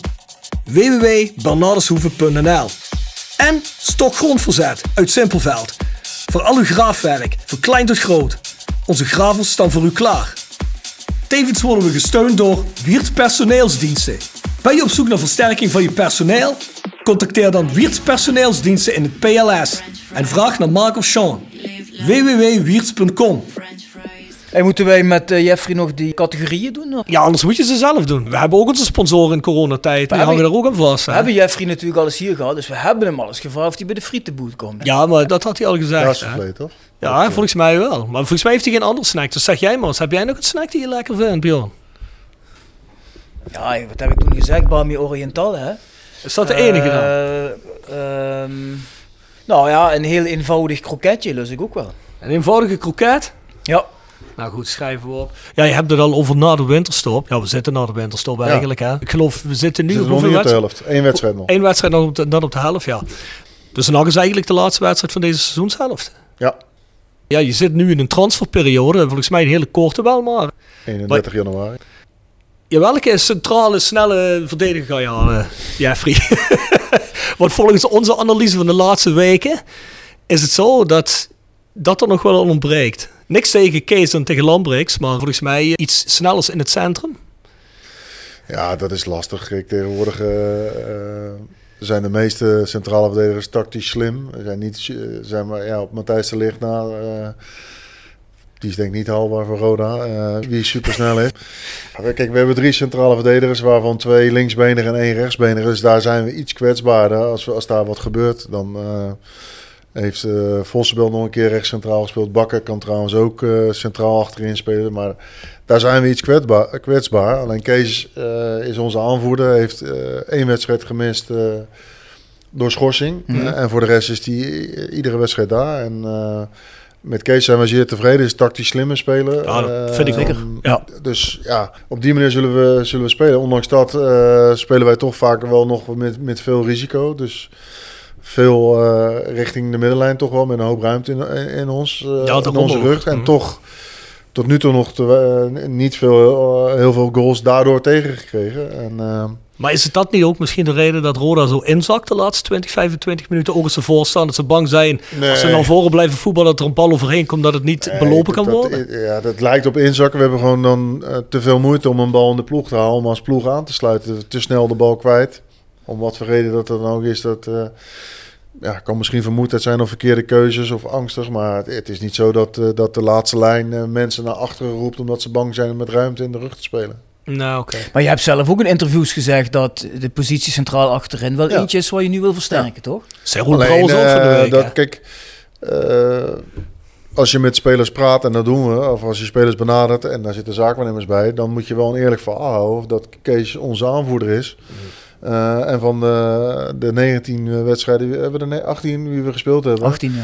Dat hij er 17 eh, heeft gespeeld. Eh, kijk, je, je kan iemand wel zeggen van ja, je komt naar ons en je gaat alles spelen en dan ben je, hij dat Kees ook daar is.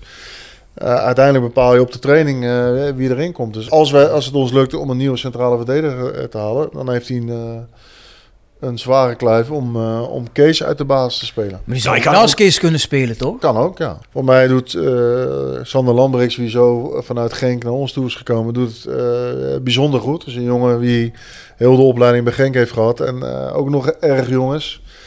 En natuurlijk maakt soms ook fouten. Ik bedoel, uit bij Utrecht gaat hij vlak voor tijd in de fout. Maar het is wel een jongen die enorm leergierig is, hard traint. En er alles aan doet om een betere speler te worden. En eh, heeft tot nu toe ook heel veel wedstrijden gespeeld. Nou, Richard is gelukkig weer op de weg terug en is fit. En, eh, heeft, de Ja, is hij fit? op- heeft na de winst op alles meegetraind. Dus die, die komt er ook wel. Maar dan vraag ik me toch altijd af, hoe lang blijft hij fit? Dat is ook altijd een beetje jammer van die jongen. Ja, dat was de afgelopen twee seizoenen ook het probleem. Maar goed, ja, dat heeft... Was het Jeffrey die het heeft uitgelegd of, of Jurgen Streppel? Waarom... eh, was jij toch, Jeffrey, volgens mij, die dat heeft uitgelegd aan ons? Waarom toch Arne geklopt is nog een keer bij eh, Richard Jensen? Nou, het heeft Jeffrey denk ik in de vorige Ja. podcast gezegd. Ja, en ik Ja, vind die kijk, beredenering de ook voetbal- helemaal niet zo gek. de- de- het risico zit inderdaad in de blessuregevoeligheid. En eh, toen hij binnenkwam was hij heel fit. Hebben we eerst een aantal weken eh, mee laten trainen in invalbeurten. En op een gegeven moment heeft hij zijn basisplaats afgedwongen. En heeft hij dat goed gedaan.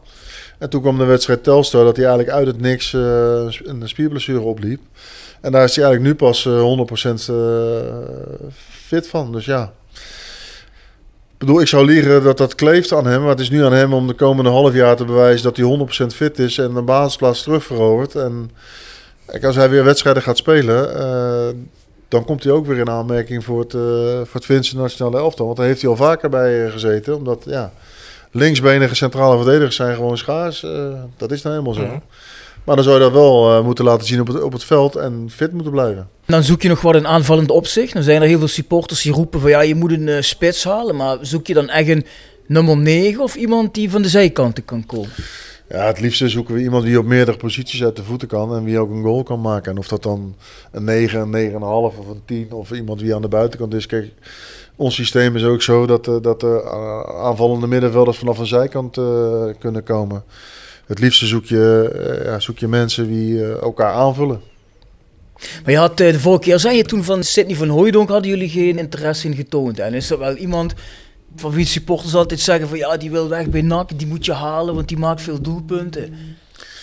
Ja, kijk, Sidney van Hooydonk is een prima spits. Die heeft 10 goals gemaakt, dus dat doet hij uitstekend. Alleen op dit moment is daar geen sprake van. Rob, ik merk al, Jeffrey gaat dus niks vertellen hoor, qua namen. Nee. Terwijl we duidelijk gezegd hebben dat het volgende week pas uitkomt, maar ja, dat zit toch een minpunt. Ja, die weet, die, weet, die weet dat jij lijkt bij Bjorn te missen. Dat is oh, dus hij Jeffrey vertrouwt dat ze niet willen zeggen. Ja, nee, dat geloof ik niet. Laten we zo zeggen, er, er lekte vroeger bij Roda heel veel uit. Dat was ook niet goed natuurlijk. Nee, zeker.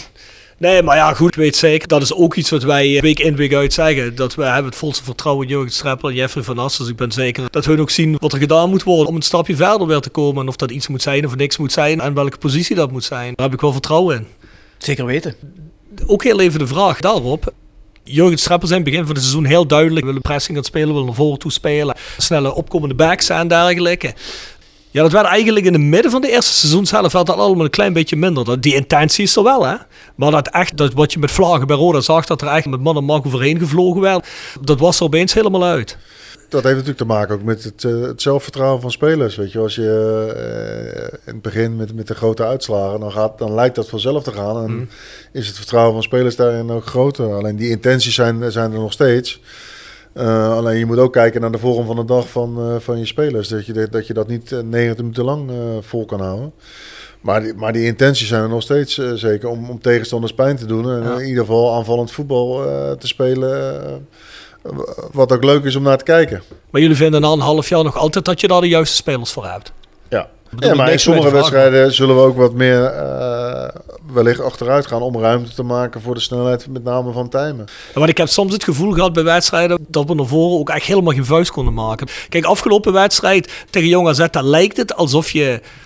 Ja, hoe moet ik dat zeggen? Dan krijg je stiekem, kun je zelf wel zeggen, 5, 6 eigenlijk best wel goede kansen. Waarvan als er de helft erin gaat, als er geen fout aan Ja. de lucht. Kan in de eerste helft zelfs al. Ja. Dan komt dat er veel meer uit. Maar ik heb ook wedstrijden gehad waar ik dacht van, hoe, hoe gaan we godsnaam iets naar voren doen hier? En het was ook, Bijvoorbeeld eh Telstar thuis, kan ik me herinneren. En, en Den Bosch thuis. Ja, dwing je de- dwing je niks af. We hebben weinig kansen gehad, maar Den Bosch thuis hebben we natuurlijk wel heel veel de bal gehad. Alleen we hebben weinig kansen gehad. Kijk, eh, de paar penalty momenten waar ik het net al over had, dat had ons een beetje over een dood punt heen eh, kunnen helpen. En, en eh, kijk, ik vond de wedstrijd thuis hier tegen Volendam vond ik onze beste wedstrijd. En hebben we heel de tweede helft zeg maar, op de helft van de tegenstander gespeeld. En waarin we vlak voor tijd nog een paar grote kansen krijgen om die wedstrijd zeg maar, eh, Mhm. te winnen. Ja, dat is gewoon jammer, weet je wel. Dat soort eh, grotere ploegen verstaan, verslaan geeft vertrouwen aan de spelersgroep. En, de- de- en dat is nog, ons nog niet gelukt. En, en, dat- en dat moet na de winter eh, moet, moet dat wel gaan gebeuren. En dan komt dat eh pressievoetbal vanzelf alweer terug. ja. ja, heel eerlijk, Cambuur uit. Hè, was ook niet zo'n wedstrijd waar ik ons heel veel minder vond. Nee. We waren alleen super effectief. Ja. Twee, twee individuele fouten worden afgestraft. Waardoor je niet meer echt terugkomt in de wedstrijd. Nou, maak je na de rust gelijk eh, communicatiefout tussen de keeper en eh Niek en 3-0 en het is over. We hebben daar denk ik misschien wel meer balbezit gehad dan, dan Cambuur. Maar daar heb je was weinig wel, aan. dat was wel een vraag die ik nog wilde stellen, Jeff. Is goed dat eh, Rob dat zegt. Wat heeft een club als Cambuur wat wij nog niet hebben? Ja, die zijn natuurlijk al een paar jaar bezig om te proberen om uit die eh keukenkampioen-divisie eh, te komen. Daar hadden ze vorig jaar natuurlijk al, eh waren ze daar hard toe eh, naar op weg. Dus die, die zijn al langer bezig om dat voor elkaar te krijgen. Dus de- op dat gebied liggen zij voor dat ze eh, drie jaar geleden begonnen zijn eh, met het van onderaf opbouwen van het elftal. En dat is de laatste eh, anderhalf seizoen is dat goed, goed aan het draaien. Is dat kwaliteit? Ja, Of- kwaliteit. En spelers die al langer met elkaar spelen. En wellicht wat beter om kunnen gaan ook met tegenslag. Cambuur heeft al een paar keer eh, een achterstand weten om te buigen. En dat is ons nog, nog weinig gelukt. Want ik had het daar laatst met wat vrienden over, ook met, met Bart en Glenn bijvoorbeeld. En dan waren we zo het kijken en dan hadden we zoiets van, ja, wij zijn natuurlijk geen kenners. Maar dat Cambuur wel aanvallend eh, heel veel kwaliteit Ja. heeft. Maar dachten we van, ja, die verdediging is nou ook niet dat je zegt van, die zouden we allemaal heel graag willen hebben. Maar toch lijken die wedstrijden heel makkelijk over de streep te trekken. Nou ja, Bjorn, als je er voor een 4 inschiet, en je krijgt er achter 2 eh, in, dan verwin je nog altijd. Ja, met de muren en Callon en zo, ja. Dan, Korte. Er zijn natuurlijk eh Paulussen wie het goed doet. Eh, dus ze hebben veel spelers die daar een goal kunnen maken. ja, Jacobs. Ook eeuwig zonde, hè, zo'n jongen als Mitchell Paulussen, die voetbalt hier zijn hele leven en dan komt het er daar wel uit. Ja, maar daar kom je ook in een goed draaiend team natuurlijk. hè. Ja, nee, maar dat is wat Jeffrey bedoelt. dat is denk ik ook een antwoord op de vraag. ook eh, in de beginfase op de bank gezeten. En, eh en, Ja, en gespeeld. ja. En hij heeft zich Ja. in, in het elftal eh, geknokt. En, en eh, ja, hij doet nu hartstikke goed. Dus het is inderdaad wat jij zegt, weet je wel. Kijk, ik heb hem nog op mijn netvlies, want daar was ik bij die wedstrijd dat Roda promoveerde. In de wedstrijd tegen NAC. Eh, Mhm. En, en daar was, was hij de beste man van het veld. Ehm, maar Ja, die laatste weken van dat seizoen zijn de beste weken van hem bij Roda geweest. Ja. Ja. Ik had hem graag willen zien, nu in zo'n elftal met Jurgen Streppel. Ja. Daar had ik hem graag gezien. Want ja, ik denk als hij vorig jaar hier nog was geweest onder Jean-Paul de Jong, dat was ook een ramp geworden, denk ik. Ja, Als ik kijk naar het karakter van hoe Jean-Paul de Jong ageerde met hem, dat had meteen gebootst, denk ik. Nu onder Jurgen Streppel had ik het nog wel eens willen zien. Ik denk dat hij echt bij de toppresterende spelers nu had gezeten. Durf ik mijn hand voor de vuur te steken. Maar ja, goed, dat is het niet. Hij heeft eh, pas bijgetekend bij Cambuur, heb ik gezien. Dus Het was voor hem denk ik op dat moment ook het beste om ergens anders een keer te gaan kijken. ja, Maar nog altijd heel betrokken bij de stad en nog altijd bij Roda. Maar ja, goed, het is ook niet gek als je je hele leven hier hebt gevoetbald. Ja. Maar goed, het is geen Cambuur-podcast, dus het zal we niet over hebben. Maar ja, Bjorn, ik denk dat precies wat Jeffrey zegt. De jongens die spelen nu drie, twee, drie jaar in die samenstelling. Samen komt ze nu en dan eentje bij, gaat er eentje weg. Maar ik denk als je dan bij je meer een geoliede machine, hè. Ik denk eh, daarom ook, geeft me dat ook hoop en vertrouwen voor de toekomst hier. Ja, als je op bepaalde punten doorselecteert, en dat zal Jeffrey zeker doen en eh, Ja. Jurgen. En je komt dan op een bepaalde punt, kom je ook op een geoliede machine hopelijk uit. Hè? Dat heeft even tijd nodig. Iedereen wil natuurlijk dit seizoen promoveren, maar ja. Ja, zeker. En nu die eh 2 miljoen krijgt voor Jordi Kroeks, kan die aan de slag, hè? 2 miljoen. Het zou mooi zijn, hè? Zei die toch net, of niet? Dat zou wel mooi zijn, ja. Ja. Dan zal ze dat betalen. Waar gok jij nou? Wat zou Jordi Nee. Kroes in het buitenland... Nee, nee, niet hoeveel geld, maar waar zou die in het buitenland heen gaan? Welk land zou dat zijn? Ik gok op Griekenland. Dat lijkt me zo'n land waar Jordi Kroeks wel eh, heen verkocht zou kunnen worden. Ja, Griekenland of eh, ja, zoiets, ja. Ja, het is niet Italië of Spanje. Nee. Zitten we warm aan de de Mediterranean of niet? IJskoud. IJskoud! Jezus. Nou, dat is het ook niet Albanië. Dat is ook goed voor hem. Maar ja, nadenken. ook niet. Frankrijk. Nee, geloof ik ook niet. Frankrijk ligt ook aan de Middellandse Zee, man. Ah, misschien niet Noord-Frankrijk. Tweede divisie Frankrijk. Tweede divisie Frankrijk. Ja, ik weet het niet, maar ik zie Scandinavische clubs ik niet zo snel eh, Nederlandse spelers kopen. Eerder andersom. Nee. Ik weet het ik- niet. De komende week gaat het ons leren, vermoed ik. Zeker. We gaan het meemaken. The Sound of Calhei. Gepresenteerd door www.gsrmusic.com voor muziek en exclusieve merch van Born From Pain, Madball, Death Before Dishonor, Archangel en nog veel meer. Ga naar www.gsrmusic.com. En iPhone Reparatie Limburg voor professionele reparatie van Apple, Samsung en Huawei telefoons. Wouderpad 7 te Beek. Ook worden we gesteund door Willeweber Keukens. Wil jij graag kwaliteitskeukendesign dat ook bij jouw beurs past? Ga dan naar Willeweber Keukens in de Boebegraaf 1 te Schinveld. Dan hebben we ook nog Sound of Calais. Jeffrey de vorige keer had die Vets Domino. Ja. En toen zei Jeffrey ook, ja dat is ook eigenlijk zo'n beetje dat wat ik luister. Nog een tweede nummer. Ja? Nou, toevallig met de kerst dan ga je natuurlijk wel... Tegenwoordig kan je niet meer zoveel doen hè, als je met elkaar bent. ga je muziek draaien. Dus toen kwam de, de Doobie Brothers voorbij. Oeh, dacht ik van ja, dat is ook wel een, een, gouden ouwe. De Doobie Brothers. Ja, zeg dat je niks? Listen to the music? Nee, het zegt me niks. Jij wel, Rob? Moet je toch Ja. maar eens googelen. Ja, Rob wel. Ja, die Ja, zit ja. meer in de muziek. Hoe oud ben jij nou Jeffrey?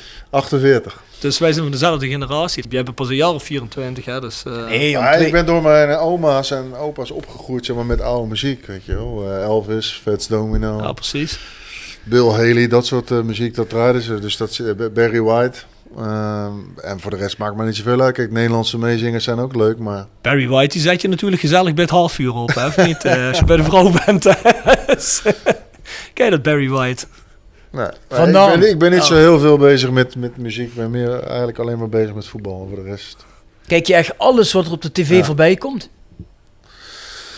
Ja. Heb je ook iets van eh, een of andere schotel om uit allerlei nee, vragen... nee, nee. Dit, is- dit is wel gewoon eh, de Duitse competitie, de Spaanse, de Engelse en, en dat soort dingen. Ik ga niet naar eh, derde divisie Polen of zo zitten kijken. Nee? Daar hadden we het laatst over, hè, Jeffrey. Als je nou bijvoorbeeld, dan weet ik ook, Twan van Mierlo, jij en, Ja. eh, en, en Jurgen Strappel. Jullie kijken natuurlijk overal rond. Kijk jij nou ook, eh, nu je het over Duitsland hebt bijvoorbeeld, kijk je dan ook zo'n regionaalliga's bijvoorbeeld in Ja, Duitsland? Ja. Dat is toch eigenlijk een beetje, ik woon in Duitsland, toen het nog ging, ging ik dan er nu en dan nog wel eens kijken.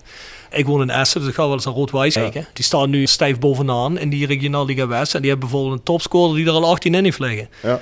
Kijk je dan ook naar zo'n jongens of denk je van, nou ja, dat is Ja, we kijken zeker naar dat soort jongens, maar ook naar tweede elftallen van de grote clubs. eh Dortmund, eh, Gladbach en eh, Keulen en dat soort... eh, Ja, die spelen ook allemaal in die regionale liga Ja. Ja. ja. Het lastige van, van, van, eh, van Duitsland is, is dat dat enorme rijke club zal zijn, Ja. weet je wel. En dat, dat maakt het vaak lastig, dat het Ja. bijna financieel niet haalbaar is. Om de echte goede spelers uit de regionaalliga of uit derde Bundesliga te halen. Dat is de realiteit. Dat, eh, Je bedoelt dan van die tweede elftallen bedoel je? ja, dat, Omdat het Bundesliga clubs. Maar ook van grote clubs, dat, dat jonge spelers al behoorlijk veel geld verdienen. Eh, als ik bij wijze van spreken eh, het jaarsalaris noem, dat zij denken van is dat per maand. Dat is realiteit met, Ja, eh, met, ja, met grote clubs, weet je wel. Ook Ja. eh, ja, de toptalenten van Nederland en eh, wie al heel jong zijn bij de grote clubs. Ja, daar worden andere salarissen. Dat heeft gewoon ja, met de markt te maken dat het enorm, enorm veel geld in omgaat. Het is wel iets lastiger in coronatijd. Heeft iedere club, zelfs Ajax heeft daar, heeft daar, heeft daar last van. Maar toch, ja...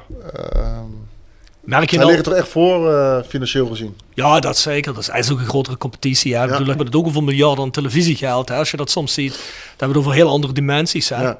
Dat is eh, laatst ook eh, hele, ja, hele dingen weer over geweest in Duitsland. Hè, met die clubs. Dat Bayern zei, nee, wij krijgen het leeuwendeel. En de rest, en dan Dortmund en zo. En dan zegt de rest, kijk maar. En wat die clubs als Augsburg en zo zeggen wij, jongens...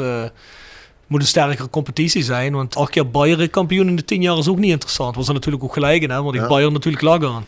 Ja, maar kijk ook maar eens dat eh, salaris wat Ike ook boven bij Chelsea kreeg. Ja. Terwijl hij eigenlijk totaal geen kans maakt om bij Chelsea 1 te spelen. Hij schijnt het nou wel heel goed te doen in, eh, in Brugge. Cercle, hè. Maar ja, wat hij daar al verdiende, ja, is niet normaal. Dat betaalden wij dus 1 negende deel als, als Roda om hem te huren. Zat hij 5000 ook van de 45.000. Ja, die zat op dik 40.000 euro. Hè? Ja, goed, ik kan me voorstellen. Ja, ik sta niet in Jeffrey's schoenen, maar ik weet niet, misschien dat nu ook in coronatijd dat van zo'n clubs inderdaad zoiets hebben van, nou ja goed, luister, als we hem voor goedkoper weg kunnen doen en zolang ergens kunnen laten spelen, als die club zegt, eh, bij ons eh, heeft hij grotere kans om te spelen. Misschien dat je nu net in coronatijd ook wel een paar voordelen hebt, dat weet ik niet. Dat kan. Dan zelfs staan we die niks ervoor loslaten. Nee, dat kan niet. Wat verwacht je voor het tweede seizoen zelf? Ja, je hebt natuurlijk door de regels heen al gezegd, maar als je nou realistisch moet zeggen, waar zie je ons eindigen? Het is altijd gissen natuurlijk, maar... Nou, het is hetzelfde verhaal wat ik voor het seizoen hield. De top 8 moeten we zien te halen met, eh, Mm. met deze selectie. Eh, en daar staan we nu drie punten eh, op achter. En, en eh, wat ik al zei, van als je eenmaal achter staat, dan moet je kijken van hoe ver sta je achter nummer 7. Alleen je weet van dat 3 tot en met 8 spelen de, de play-offs. Ja, en dan moet je zorgen in de play-offs wat, wat de wedstrijden gaan om één wedstrijd in plaats van uit Ja, en het is er maar één nu, ja, Eh, ja. Dus de kans is dan heel groot dat je dat het uitwedstrijden zijn. Maar je moet eigenlijk toewerken dat je die, die eh, zeg maar, de anderhalve week in eh, half mei. Dan moeten wij in topvorm zijn. Kijk, als je het haalt, de play-offs, dan kan je ze ook winnen. Want dat is in het verleden ook al bewezen door RKC. Daar weten wij ook alles van, hè? Die werden zelfs elfde volgens mij in de competitie Ja. en die promoveerden. Die spelen nog altijd Eredivisie. Eh, maar die spelen nog steeds Eredivisie. dus eh, kijk, als wij achtste worden, dan denk ik dat we, dat we het goed hebben gedaan. Alleen dan moet je wel zorgen dat je ook indruk maakt in die play-offs. En eh, hopelijk gaan we, gaan we die dan winnen. Maar we moeten eerst zorgen dat we het gaan halen. En dan, dan ligt alles open, want ehm, de druk ligt dan altijd bij de andere clubs. Want daar moeten ze promoveren en wij mogen promoveren. Natuurlijk willen we zo snel mogelijk promoveren, maar ehm, bij de andere clubs ligt er veel meer druk, want die zijn al langer weg, eh, nog langer weg. eh, en, en het is noodzakelijk voor die clubs, financieel gezien, om die promotie te maken. Al denk ik dat eh, voor iedere club goed is als je promoveert. Kan alleen je. qua televisieinkomsten en Ja. zeker in coronatijd. Dus als, wij, als wij kunnen promoveren, dan, dan moeten we het doen. Maar laten we eerst ons bezighouden met de play-offs te halen. En dan zien we daarna v- verder hoe ver we komen. Wat denk jij, Bjorn? Heeft Jeffrey al een lijstje klaarleggen voor als we toevallig promoveren? In wie die dan geïnteresseerd is? Want dat zal een heel ander lijstje zijn. Hè? Ik weet wel dat Jeffrey iedere voetballer kent die er in Nederland en omstreken te krijgen is. Dus ik denk dat hij dat al lang in zijn hoofd heeft. Dat weet hij wel. Nou, zeker. En Gelukkig eh, heb ik al vaker aangegeven dat we ook de dingen met elkaar beslissen. Dat trainers altijd weten eh, wat we doen en welke spelers we in gesprek zijn. Eh, in het verleden zijn er wel eens andere dingen gebeurd bij deze club. Dat er opeens spelers stonden waar niemand wat van af wist. Dat zal nooit meer gebeuren eh, bij deze club. Omdat en de scouting en trainers en de RWC en eh, met name René Tros in het bijzonder altijd op de hoogte zijn eh, waar ik mee bezig ben. Zodat je nooit scheve gezichten kan krijgen van hij heeft toen dit in zijn eentje gedaan en hij heeft toen dat. zo moet het niet zijn bij een voetbalclub. Een voetbalclub kan je niet in je eentje doen, dan moet je altijd met elkaar doen. En ja, dat zijn we nu aan het doen. Je geeft nu net zelf aan, het is rustig rondom de club. Dat is jarenlang anders geweest. Dat is ook zo, want we werken op een hele prettige manier met elkaar samen. En natuurlijk, we winnen liever alle wedstrijden. Maar het is niet zo dat als we verloren hebben, dat we dan op een andere manier met elkaar samenwerken. Of dat eh, de Phoenix groep of de RWC aan de, aan de lijn hangt van, joh, wat zijn jullie nu aan het doen? Nee, we proberen elkaar te helpen. En we werken heel open en constructief met elkaar samen. Wat mij zelf wel aanspreekt op technisch vlak, wat we nu hebben, is dat er een herkenbaar team staat. In die zin, waar ik zelf niks om geef, is als je een Benny Badibanga haalt en die gaat hier dan roepen, ja, kerklaar, dat ken ik niet. Ja, dan denk ik, waar hebben we nou weer iemand eh, vandaan getoverd? Terwijl nu heb je alles jongens eh, uit Nederland of Duitsland, Ja. of eh, die in ieder geval ja, de competitie kennen, de club kennen. En dat, ja, dat vind ik als supporter prettiger om naar te kijken. Ik wil ik het ook niet ergens iemand van verder weg komt, maar dan moet hij wel geïnvesteerd zijn in wat hij gaat doen. Het ligt ook een beetje aan de club. Je moet van tevoren een aantal gesprekken met hem houden. En uitleggen van oké, eh, wat is de filosofie van de club? Wat is het voor een club? Wat is er gebeurd eh, in het verleden? Wat was Roda lang geleden voor een club? En, eh, en dan moet de speler eh, bepalen of die past eh, bij die club. En eh, kijk, al deze jongens hebben we meerdere gesprekken mee gehad... voordat ze überhaupt eh, bij ons in de kleedkamer zaten. Dus ja, zo'n gek interview dat je niet weet dat je in kerkraden staat... Dat zou, je, dat zou je in principe niet meer zien zolang wij er zijn. Nee, dat hoop ik toch ook niet. Nee. Je kunt best één, twee jongens van ver weg hebben. Maar als je en een Bulgaar hebt, en een Pool, en een Griek, en een Oostenrijker. Ja, dat, ik zelf heb er niet zoveel mee. Of ze moeten voetballen op een gegeven moment. Ja, als ze heel erg erbovenuit steken, dan ga je daar natuurlijk snel naartoe groeien. Maar Maar die jongens waar jij op duidt, deden dat allemaal niet. Dat Nee, is een precies. beetje het probleem. dan vind ik het niet meer echt herkenbaar. Dan heb ik niet zo die klik, dat elftal. En dan heb ik het nog niet eens over de supporters, maar ik kan me ook voorstellen als je in zo'n kleedkamer terechtkomt en je kan geen woord Engels en geen woord Duits en geen woord Nederlands, ja, wat ga je dan doen? Ja. Weet je wel, wat, wat- je hebt je communicatie met je medespelers, je moet je met handen en voeten moet je dingen kenbaar maken. En als er dan vier, vijf van rond hebt lopen in je kleedkamer, dan moet je toch wel van goede huizen komen als je je nog thuis gaat voelen. Dat geloof ik niet. Dan val je automatisch een beetje buiten de groep.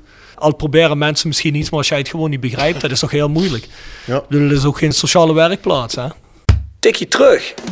Gepresenteerd door Van Ooyen Glashandel. Sinds 1937 vervangen en repareren wij al uw glas met veel passie en toewijding. Met 24 uur service. www.vanooyen.com En Quick Consulting. Laat finance waarde toevoegen aan je organisatie. We komen graag met je in gesprek om aan de hand van concrete voorbeelden duidelijk te maken hoe we dit ook binnen jouw onderneming kunnen realiseren. Think win-win, think quick. www.quickconsulting.nl Tevens gesteund door Roda Arctic Front. hey, de tikje terug, Rob. Moeten we die ook nog doen met Jeffrey? Ja, dat weet ik niet. Jeffrey heeft wel een tikje teruggegeven aan onze algemeen directeur, die nog altijd niet is geweest trouwens. Daar moeten we Oh. wel nog heel even mee Ja, praten. dat hè. moeten we wel regelen, Jeffrey. Dat, eh, Ja, Jeffrey had een goed idee daarvoor, hè? Roda TV hoorde ik, hè? Dat suggereerde Jeffrey toch, zei jij? Ja, ik had tegen Jeffrey gezegd dat we die met Martijn via een stream wilden Ja. doen, dat mensen konden kijken. Maar dat voor Jeffrey een goed idee toen zei, toen zei Jeffrey ja. van ja, dat zou je misschien vi- via Roda Club TV eh, Ja. ook nog kunnen doen. Maar ja, goed, dan moeten we maar eens kijken met Martijn, hè, want nu met die corona, ja, dat zou misschien nog eventueel wel kunnen. Nou, mooie ruimte. We zitten allemaal ver van elkaar af. Zou toch zomaar kunnen, of niet? Nou, ik loop nu zo naar beneden, dan stuur ik hem wel naar boven. Ja, dat is een, be- dat is een die beetje ja. snel, dat. Daar hebben we de waslijst niet voor bij ons, hè, Bjorn? Nou ja, de nieuwe algemeen directeur, die krijgt wel eh, veel vragen, denk ik. Ja, goed, dan slaan we de tikje terug maar over, hè. Ja, Wie de volgende gast moet zijn. hebben wij überhaupt al een volgende gast klaargestoomd? Nee, nog niet. Nou goed, geen teken terug deze keer. Komt goed. Ik denk dat we er wel doorheen zijn. Ik ook, ja. Nou, Jeffrey, in ieder geval bedankt dat je ons weer te woord wilde staan. Graag gedaan, altijd leuk bij jullie. Ja, dankjewel. Alleen een beetje jammer dat we geen vladen deze keer, hè? Nee. Nee, maar dat komt wel goed, want eh, de vierde keer is dus eigenlijk dan na de competitie, hè. Als we de play-offs finale spelen in mei, denk ik, hè. Dan komt Jeffrey dan de vierde keer. 23 mei. 23. Oké, dan zitten we dus Dat is 24 de laatste mei. ronde play-offs, dus ja. Dus 24 mei. Dan zitten we weer met Met Jeffrey. hoofdpijn eh, zit je dan... Als we promoveren zit ik er niet, hoor. dat kun je vergeten. dat kunnen we misschien ergens in een café. Want ik denk wel dat... eh, als het dan nog coronatijd is... en je zou promoveren... ik denk dat dat, dat wel niet gaat lukken dan. Ik denk nog niet dat je dan in een café zit met iedereen. Nee, dat denk ik niet dat dat gaat. Maar ik denk wel dat dat... eh, Ik denk dat het op het terras wel mag. Ja? Of niet? Groot terras. Maar ik denk ook niet dat ze dat dan kunnen stoppen met zoiets. Denk je dat ze dat dan kunnen stoppen? Denk je dat dan op de markt van Kerkrade dat dan gezegd wordt, nee, dat gaat niet? Ja, de politie zal het zeggen, maar... We hebben het over, hè. Hey, we, hoeven wel de we hoeven wel maar drie keer te winnen dan, hè. Dat klopt wel, hè. Ja. Ja, ja we zullen zien. We gaan het meemaken. Nou, zoals gezegd, eh, bedankt Jeffrey. Ja, Bjorn. Nog heel even onze sponsoren. En ik wil nogmaals vermelden, want ik weet dat in Duitsland is eh, de lockdown al verlengd. Dat gaat waarschijnlijk in Nederland ook weer gebeuren. Dus veel van deze bedrijven zijn kleine bedrijven die het al dan niet, naar gelang de tak van sport waar ze in zitten, het eh, wat moeilijker hebben. Dus ondersteun ze ook daadwerkelijk waar je kunt. We hebben een aantal mensen zitten die zitten in de restauratie. Eh, ondersteun die. We hebben een aantal mensen zitten die hier in, in merchandising zitten, in consultancy. Vooral die mensen die veel in klantcontact zijn. Ondersteun die. En probeer eens een keer iets meer te bestellen qua eten. Of ga een keer een dag in de week, als je dan al het geld hebt, probeer daar iets te bestellen. Zodat je die mensen in leven kunt houden. Want zo hou je indirect ook ons in leven. Of is het niet zo, Bjorn? Zo is dat. We hebben ook sponsoren uit de advocatuur. Dus plegen ze een keer een misdrijf extra. Ja. Hè? Denk ook eens aan die mensen. Ja, Ja, we hebben ook te lijden onder de coronaproblematiek. Ja, heb je, heb je echt heel erg te lijden eronder? Oh, mee. Ik denk toch wel dat misschien als dit nog langer duurt, dat je net meer te doen gaat krijgen hoor. Ah, valt wel mee. Denk je? Maar we hebben er niet echt onder te lijden. Nee? We mogen niet klagen. Nou kijk, ik hoor dat Jegers Advocaten meer sponsoren gaat volgend seizoen. Nou, daar zijn we al. Jegers Advocaten. Next door Kapsalon Nagel en Beauty Salon. Hotelrestaurant de Veilerhof. Herberg de Bernardeshoeve. Noordwand. www.gsrmusic.com Stokgrond Verzet. Rapi Autodemontage. Van Ooyen Glashandel. Quick Consulting. iPhone Reparatie Limburg. Willeweber Keukens. Wiertz Personeelsdiensten. Fendo Merchandising. Sky Artpix. Het Nederlands Mijnmuseum. En Roda Arctic Front. Roda fans uit. Scandinavië. Scandinavië. Misschien kan die eens een tipje van de sluier oplichten over Jordi Kroeks. Misschien staat hij daar al in de krant, wie weet. We gaan het zien. Even bellen. Mensen, onze shop is shop.south16.com. Ons mailadres is thevoiceofcalais.south16.com. Volg ons op Spotify, iTunes, Soundcloud of waar het ook maar podcasts te vinden zijn. En dan horen we elkaar weer volgende week. Tot ziens. Adieu.